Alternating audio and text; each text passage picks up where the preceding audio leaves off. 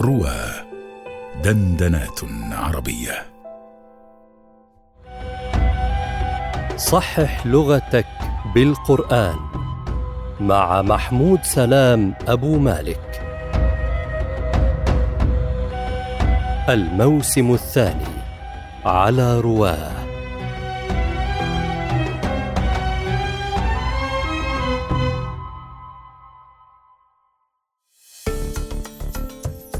السلام عليكم ورحمة الله وبركاته أصدقائنا الكرام. تركناكم في الحلقة السابقة من صحح لغتك بالقرآن مع سؤال جميل. نقول تزوجت من فلانة أم تزوجت بفلانة أم تزوجت فلانة؟ طبعا زوجكم الله جميعا. من كان منكم آه، آه، من من كان منكم سواء من كان منكم متزوجا أم لا يعني زوجكم الله جميعا على كل حال. أما أما الجواب من القرآن الكريم فقبل أن أذكره لكم أذكر الشواهد. طبعا تفضلتم بذكر شواهد شواهد كثيرة ولكن قبل أن أذكر لكم الشواهد أذكر لكم أبيات الألفية التي تعبر عن هذا الخطأ الشائع وعن تصويب هذا الخطأ الشائع. أقول خطئ تزوج الفتى من الفتاة.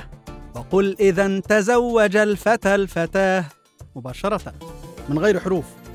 وعده لاثنين زوجناكها بنفسه بقصد أنكحناكها هذا هو الأصل. أنك تعديه لاثنين أن تقول لابنك لقد زوجناك فلانة لقد زوجناكها. وفي القرآن الكريم هذا شاهد. فلما قضى زيد منها وطرا زوجناكها. هكذا صحح لنا القرآن من غير حروف. الفعل يتعدى بنفسه ليس لمفعول واحد وإنما لمفعولين كما رأيتم. وعده لاثنين زوجناكها بنفسه بقصد أنكحناكها. ولكن منكم من وجد الباء. وزوجناهم بحور عين. أليس كذلك؟ وجدتم هذا الشاهد القرآني.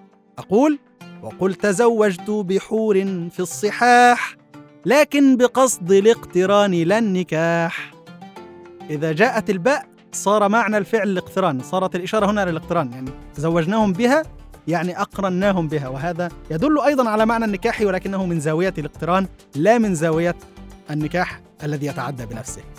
فماذا عن من؟ ماذا عن تزوجت من؟ أقول وكي يصح أن يعد بمنا فقل تزوج الفتى من قومنا. تزوجت من عائلة فلان. تزوجت من تونس. تزوجت من مصر هكذا. أرأيت؟ تزوجت واحدة منهم.